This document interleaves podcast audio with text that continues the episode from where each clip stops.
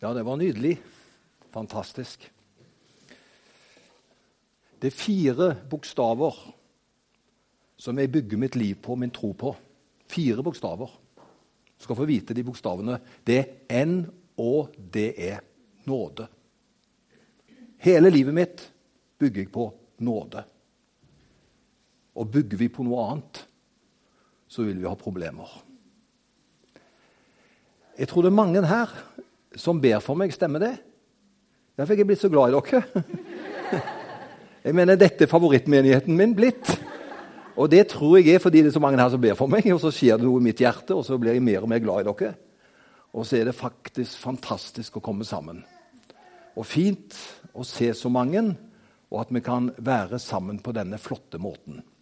Jeg skal si en historie nå, og den har noe med det jeg skal si når jeg er ferdig med den historien. Eh, I akkurat år 2000 så fikk vi to små jenter til oss. Det var to fosterjenter, to søstre. Hun minste hun var da tre og et halvt år. Den nest yngste i en stor søskenflokk var fem år. Og Så kom de til oss den sommeren 2000. Og da totalt endret livet vårt seg på hjemmebane. Eh, vi fikk to som eh, ja, med svære, svære utfordringer. Og I over fem år så kunne ikke Ebbe gå ut av hjemmet en eneste kveld. For da var det så mye å reparere etterpå. Så i fem år kunne hun ikke være med meg på et eneste møte hvis det var på kvelden. For hun måtte være barnevakt når ungene var lagt. Eller så klarte de ikke å finne balansen.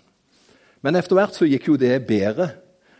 Og så var de med oss på formiddagen og Da tenker jeg Hanna, jeg har lov til å fortelle denne historien. Hanna var ikke da tre og et halvt år, men hun kanskje var seks-sju år. Og Da var hun med regelmessig til Misjonskirka i Lyngdal, hvor jeg var pastor, på søndag formiddagen. Men hun satt helt klistra ved siden av Ebbe på møtet, litt langt bak i salen. For hvis det skulle skje noe da, så kunne hun gå ut med det. For det var, det var slike forhold. Men så ble det jo bedre og bedre, og en dag så sier hun Mamma, sa hun. Kan ikke jeg få gå fram og sitte ved siden av pappa? For jeg er jo satt på første benk. Og Da sier mamma til henne Hanna, jeg tror ikke du klarer det.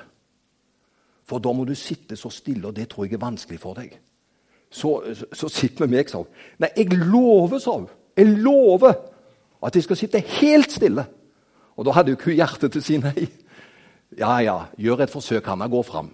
Og Vi var jo nå en sånn herlig lovsang som nå, så jeg glemte meg bort. Og plutselig så satt meg, så sitter Hanna ved siden av meg. Hun hadde jo aldri sittet der før. Og jeg tok hånda rundt henne sånn. 'Så fint, Hanna, at du sitter her.' Og du vet, Hun er smart. Vet du hva hun sa? 'Ja, du skjønner, jeg måtte jo sitte ved siden av gudsmannen', sa hun. Og har ikke hørt det av meg, altså. Men så var det noen uker etterpå. Så kom jeg hjem en sent mandagskveld. Ja, Sent og sent, det var nitida. Og Da satt de ved kjøkkenbordet, og da hadde de hatt en meget travel mandag. Det hadde vært noen sånne skolekorpsøvelse og svømmebasseng og leksehjelp. Og alt dette surfa jo Ebbe, jentene, med. Så det var en slitsomt, og mandagen var den mest travle dagen. Så kommer jeg seilende inn eh, og spiste kvelds eh, rundt nitida, og der sitter de med sitt strev. Og så kom det noen kloke ord fra Hanna. Du, pappa, sa hun.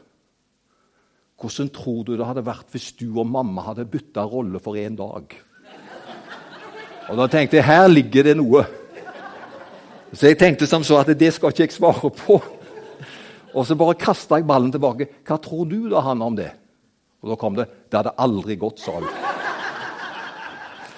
Og i dag vil jeg hedre humor. Det er morsdag. Kan du tenke deg noe vakrere enn en mor? Vi kan klare oss uten mye, men vi kan aldri klare oss uten ei mor. Tenk hva det har betydd. Kan vi gi en klapp for mødrene her i dag?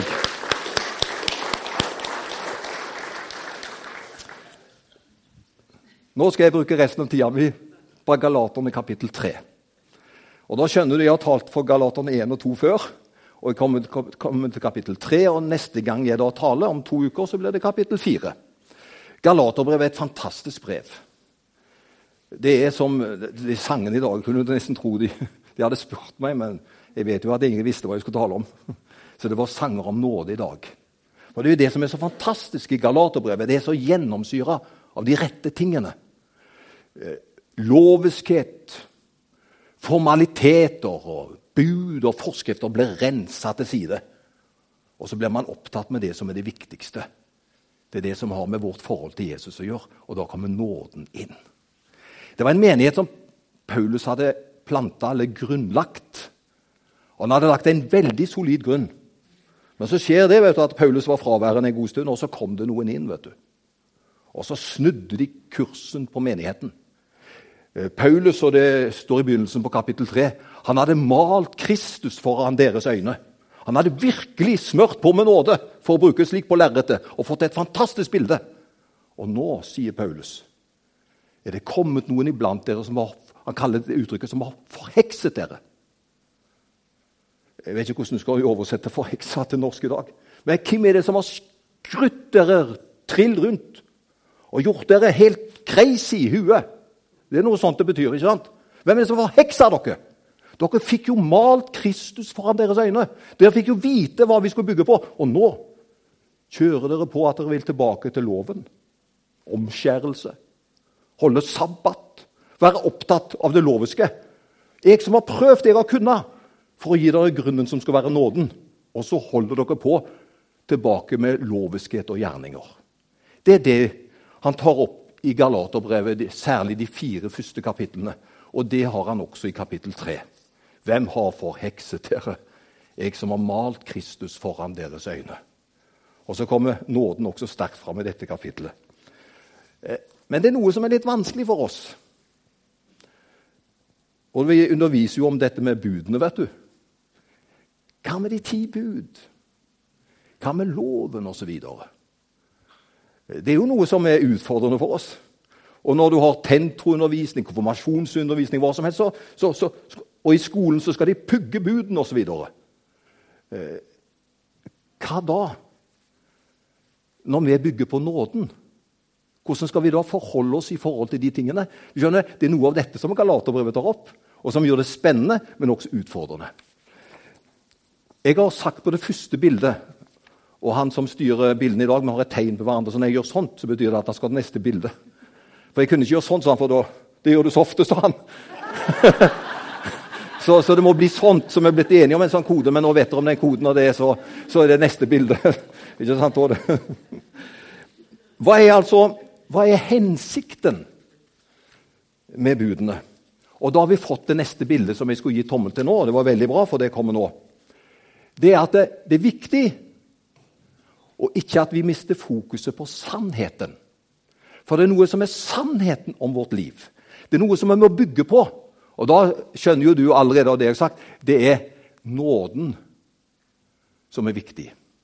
Og Da skal jeg bare lese to vers i Galaterne 3, Eh, vers, vers 2 og vers 5 i Galaterne 3. Eh, for der kommer vi inn på dette med fortjeneste. Det, vet du hva? det ligger fryktelig til vår natur. Det, vet du hva? Så mye til vår natur. Det er plagsomt. Jeg vil si, Det er direkte skadelig. Og så kunne jeg ta et enda sterkere ord. Men vet du hva? det er dette her at vi skal fortjene det. Tenk at vi er så programmert på at vi må være nødt til å fortjene ting for å få det. Det er en grusomt. Og det passer iallfall ikke med de fire bokstavene du og meg bygger vårt liv på, som heter nåde. Og så ser vi til vers 2 og vers 5 der, i kapittel 3. Var det ved lovgjerninger dere fikk ånden? Og Når vi gjør lovgjerninger, da er det jo noe som vi fortjener. Har, at vi har gjort lovgjerninger, ikke sant? Var det ved lovgjerninger dere fikk Ånden? Eller var det ved å høre troen forkynt? Og vers 5. Han som gir dere Ånden, virker kraftige gjerninger blant dere. Gjør han det ved lovgjerninger? Eller ved at dere hører troen? Her ser vi det er to vidt forskjellige verdener. Det er det at vi gjør lovgjerninger som gjør at vi fortjener noe. Eller motsatt.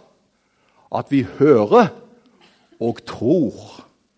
Og når vi hører og tror, da kan vi komme inn i det som overhodet ikke har med vår fortjeneste å gjøre, men det har med hva Han har gjort for oss. Og Derfor er det viktig å understreke at åndens gaver gir ikke efter fortjeneste. Nå skal jeg ikke si det så mange ganger, men jeg må si det nå, for nå passer det inn. Jeg har jo vært predikant så lenge, og i så mange ulike menigheter og miljøer. Og jeg har opplevd en fellesnevner i mange steder.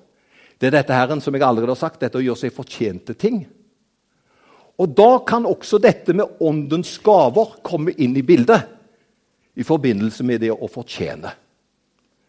Jeg har opplevd noen som har sagt til meg, og dette kan jeg si veldig frimodig, for det har ingenting med Stavanger å gjøre. Dette har jeg hørt for lenge siden. Hvorfor får ikke jeg nådegaver når andre har nådegaver? Jeg har vel et enda prektigere liv å vise jeg til enn det han og hun som så lett glir igjennom.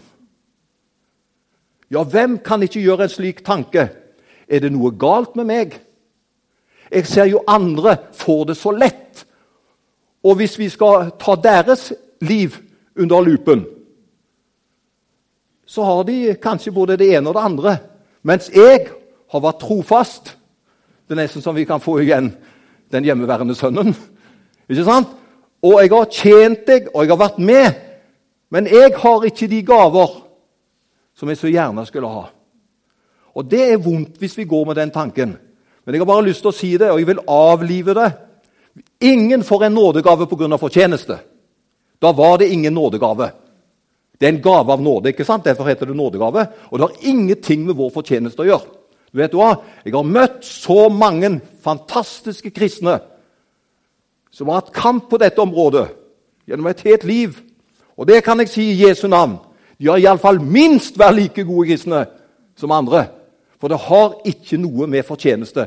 Fikk dere Ånden gjennom lovgjerninger, dvs. Si gjennom at dere fortjente det, eller var det ved å høre og tro?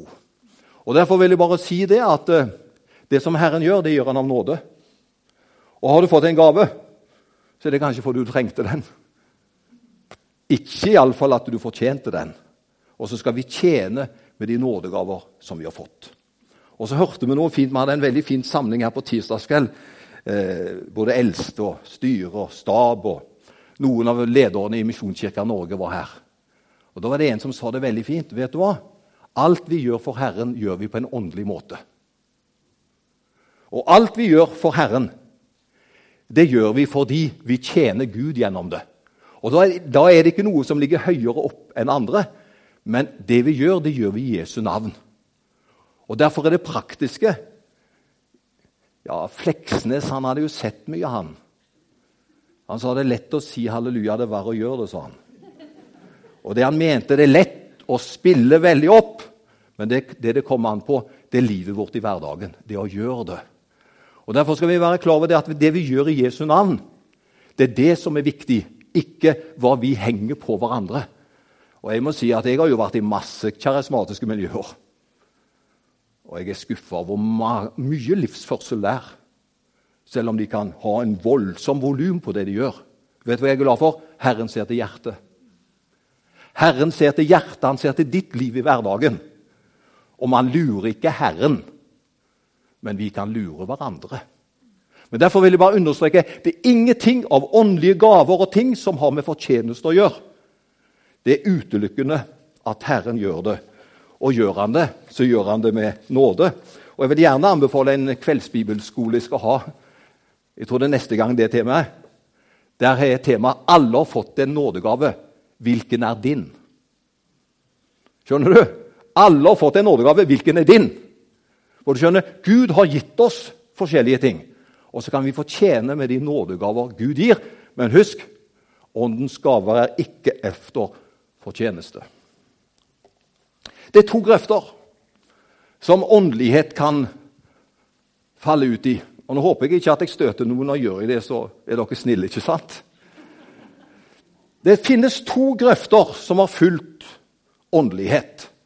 Den ene grøfta jeg allerede har vært inne på, det heter loviskhet. Det er det at hvis vi lever et strengt, nesten asketisk liv, Da oppnår vi mye hos Gud. Du skjønner, du kan faste så mye du vil. Er det ikke det Paulus sier? Du kan gi til de fattige alt du eier. Du kan ha den ene nådegaven efter den andre. Hva hjelper det hvis de ikke har kjærlighet? Ikke sant? Så Paulus han balanserer det. Men det finnes en grøft som jeg kaller for loviskhet. Det er et strengt kristent liv. Og hvis du bare lever lovisk nok, lever et strengt nok, nærmest bortimot asketisk liv, hvor alt blir galt, og du skal bare holde det innenfor det rette, da får du ånden. Og da får du utrustning og gaver. Jeg må bare si jeg har ikke tro på det. Men det er den ene grøfta. Og den andre grøfta der, det er svarmeri. Det er følelsesmessig ukontrollerte ytringer. Og Jeg hørte jo fra Amerika for noen år, noen år siden de snakket om gullstøv og englefjær. Eh, hadde gullstøvet enda til ramla ned i Afrika, hvor de trenger det? Jeg mener, Da, da hadde de hatt en, et poeng. Men vi driver ikke showbusiness for å prøve å gjøre kulere og kulere ting. Vet du hva? Vi tjener den levende Gud. Og det er en grøft som vi skal vokte oss på, det at vi havner i åndelig svarmeri. Hvor nesten det kan se ut som galehus, det vi holder på med. Og Da skjønner jeg gjerne at folk skyr unna slike miljøer. For uh, det gir så lite, og man må være så spesiell for å komme inn i det. Det var En som sa til meg når det gjelder et med åndsdåp Nå kaller kanskje vi det for åndens fylde, men du skjønner, kall det hva du vil. men han var i en sammenheng som han kalte for åndsdåp. Altså, det er så vanskelig for meg å bli åndsdøpt sånn. For noen får det, de føler det inn i en sentrifugestand. Og til slutten så mister de totalt styringen, og så kommer de ut i tungetale. Jeg klarer ikke det, jeg, sa han. Og Da sier jeg 'slapp av, du', sa jeg til ham. Jeg tror ikke du trenger inn i tromlen, sa jeg. Gud ser deg der du er, og der kan du få være avslappet. For dette har ingenting verken med fortjeneste, loveskhet eller svarmeri. Og Derfor skal vi passe oss også for det. Du skjønner, jeg, Det var jo en som sa den eneste gangen de er midt på veien, det er når de er fra den ene grøfta til den andre. sa han. Men du skjønner, vi må ikke bare være på midt på veien når vi er fra den ene grøfta til den andre. Vet du hva? Jesus er veien. Jesus er sannheten. Jesus er livet. Og når vi ser hvilket grunnlag vi får det for, da kan vi takke Gud for det han er imot oss. Eh, I dette kapittelet så står det også om forbannelser. Han har kjøpt oss fri fra lovens forbannelse, står det. bare for å bruke et sitat, Men det står om forbannelser i, i bl.a. Galaterne 3.13. Og Jeg har møtt mennesker du, som sier det at det, det, er en ille slekt jeg tilhører. Det må være noen slektsforbannelser der. Og så sier de det, det, det er nesten som det går i generasjoner. Og så beklager de seg det, og bruker det nesten som en som en unnskyldning. Det er derfor jeg er slik. Fordi det er en forbannelse over slekta mi. Og det må være ille å ha det sånt. Men det er mennesker som kan på en måte, og, og, og, det kan til og med være noen som sier at vi må løse deg fra slektens forbannelse som du har. Og så Som om det er en virkelighet når du lever i Galaterbrevet. Så finnes det også ikke bare slektsforbannelser, men sykdomsforbannelser. Og det er sånn at det, ja, det er ikke rart at jeg er syk. Jeg har jo de genene, og da tenker jeg ikke fysiske gener, men jeg tenker på, jeg har jo de åndelige genene. Jeg har den arven. Det er vel derfor at jeg er syk. Og Da snakker vi om sykdomsforbannelser. Og Det tredje som jeg har sagt, er forkastelse. Det er kanskje et barn som har fått hørt. Det var uønska. Så var det noen som sa det til det da det var lite, at du du skulle egentlig ikke vært født, du. Du skulle egentlig ikke vært noe, du. Og så får man en forferdelig byrde i livet, og man bærer på en forkastelse. Og man blir alltid underlegen. Og Det er mennesker som har det i ulike grader, og det kan være forskjellige ting som gjør det. Men det å være også underlagt forkastelse, det er også ille. Eh, det siste punktet står ikke der, men jeg, jeg fikk det i dag når jeg kjørte hit. Det er også for, eh, eh, at, man en, en, at man har, noen har en forbannelse over seg. Husker dere tsunamien i Thailand i 2004? Husker dere det var noen som sa det er ikke rart at de får det. Så mye synd og elendighet har vært der. Og så blir det liksom at det geografiske områder blir pålagt forbannelser fra vår Herre, som Herren går inn og ordner opp i. Vet du hva? Jeg må bare si at jeg har ingen tro på det. Ja, da, da skulle du vært i slike situasjoner hele gjengen. Hele kloden. Hvis det skulle være på vår fortjeneste. Og Det var jo også det som sier for å være veldig, for å ta det siste tiåret. Det var til og med skrevet bok om det. Det var ikke rart at det var en forferdelig ulykke som skjedde på Utøya. Det var en forbannelse, sa de, som lå over AUF og Arbeiderpartiet fordi de hadde den og den holdningen til Israel. Og så var det den forbannelsen, og pga. det så skjedde det. Og så var det gitt ut bøker på det. Jeg husker jeg kom på TV på den saken der, for jeg gikk så imot det. Jeg må bare si det. Jeg har ingen tro på slike forbannelser, men det er lett å lage ulike fiendebilder. Og vet du hva?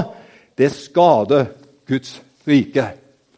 Jeg er veldig glad for at da Kristus døde på korset, så kjøpte han oss fri fra lovens forbannelse.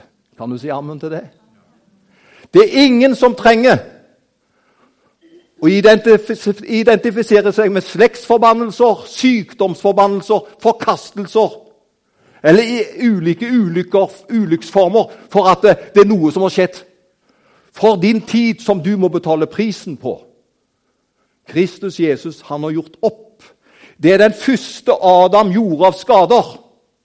For vi vet pga. Adams fall så kom synden inn. Det ble retta opp gjennom den annen Adam, som er Kristus Jesus. Og det Jesus har gjort, det har iallfall like mye gjennomslagskraft til verden som det den første Adam gjorde. Derfor er jeg glad for at jeg kan si det til oss som er i Misjonskirka i dag. Du lever ikke under noen forbannelse. Du er en ny skapning i Kristus Jesus. Det gamle er forganget, og alt er blitt nytt. Og dette er et verk som er fra Gud. Ja, det er bra. Det var søster til Asbjørn som, som klappa først. Men det er sant. Jeg er glad for at ingen av oss er under noen forbannelse. Vi er i nåden. Vi er det Kristus Jesus har gjort for oss. Og så tar vi neste bilde. Og Da kommer vi inn på vår nye identitet. Og Da må jeg kanskje lese Galaterne 3,16. Hva som er vår nye identitet. Til Abraham ble løftene forkynt, og til hans ett.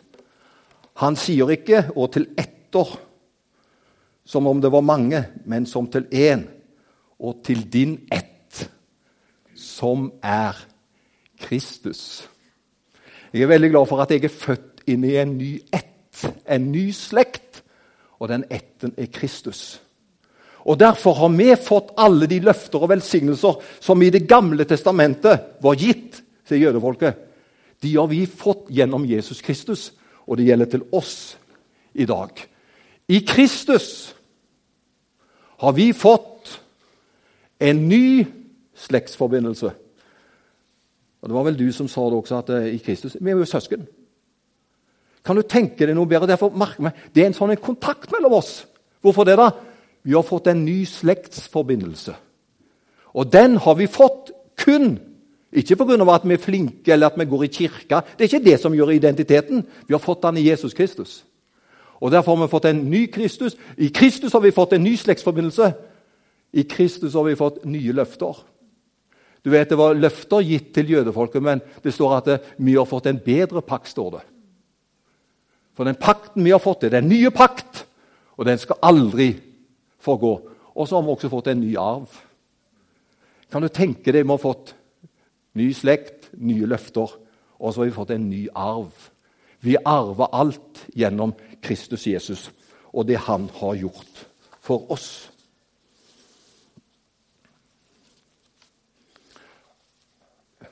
Da har vi hensikten.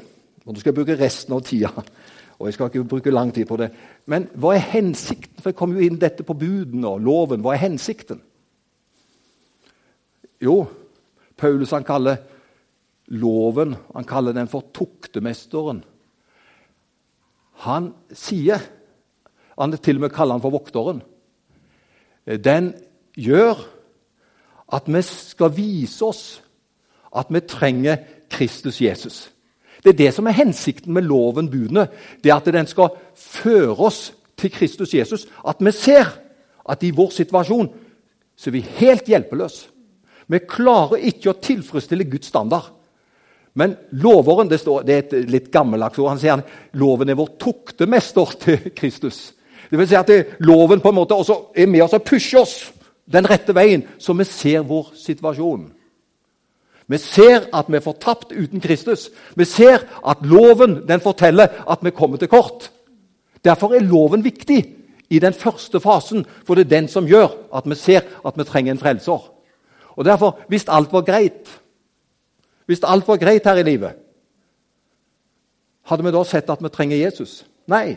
Da hadde vi klart oss, for alt var greit. Men loven, budene, forskriftene, vokteren, er der for å fortelle at vi trenger frelse. Og det er vi er vel så ærlige at vi ser at vi trenger det. Du trenger frelse, jeg trenger frelse. For i oss sjøl er vi hjelpeløse og fortapt. Men så skjer det fantastiske, og det er der vi kristne må komme. Vi må komme over en terskel. Loven er viktig for at vi ser vår tilstand og søker Jesus. Men når vi får kommet inn i det nye livet, da ser vi da trenger vi ikke lenger loven. Da er det nåden som gjelder. Og Da leste jeg eh, to skriftsteder i forrige preken hvor det står at vi er døde for loven. Dere som er døde for loven, hvordan kan dere da leve i loven? Men Kanskje det får vi dø for loven, men det livet vi lever, det lever vi for Gud. I Kristus Jesus. Så når vi har fått opplevd frelsen, da er ikke loven lenger et plattform for oss. Den førte oss til Gud. Blitt vår tuktemester på en måte. Men når vi er kommet innenfor, så er det nåden, så er det evangeliet, så er det Jesus Kristus som gjelder. Og da vil jeg lese de siste versene i Galaterne kapittel 3, og så skal jeg avslutte. Hør hva det står. Da er, vi, da er vi kommet inn i nåden, altså. Her gjelder ikke loven, men nåden. Og da skal du se hva det står om vår tilstand da. For dere er alle Guds barn ved troen på Kristus Jesus. For hver og en av dere som ble døpt til Kristus, har ikledd dere Kristus. Her er verken jøde eller greker, slave eller fri, mann eller kvinne. For dere er alle én i Kristus Jesus. Dersom dere tilhører Kristus, da er dere Abrahams ett og arvinger ifølge løftet. ikke det flott? Det er ikke snakk om mann, det er ikke snakk om kvinne. Det er ikke snakk om uh, etnisitet. Eh, det er ikke snakk om fri eller trell. I ham så er vi alle ett. Ser du hva Kristus har sprengt? Han har sprengt det som binder folk her. Det har han løsna opp i. Og Derfor er det så viktig at vi lever i Guds nåde og i det han har gjort. Og Da vil jeg bare si vel bekomme. Jeg mener, ikke sant? Vel bekomme. La oss leve i dette Herren. Da senker vi skuldrene. Og da er vi så uendelig takknemlige for hva Han har gjort. Takk, Jesus, for det. Takk at du har banet en helt fullkommen vei. Og takk at det vi holdt på med, det holdt jo ikke mål, det. Men så kom du, Herre, og hjelp oss at vi kan leve frie liv i deg i Jesu navn. Amen.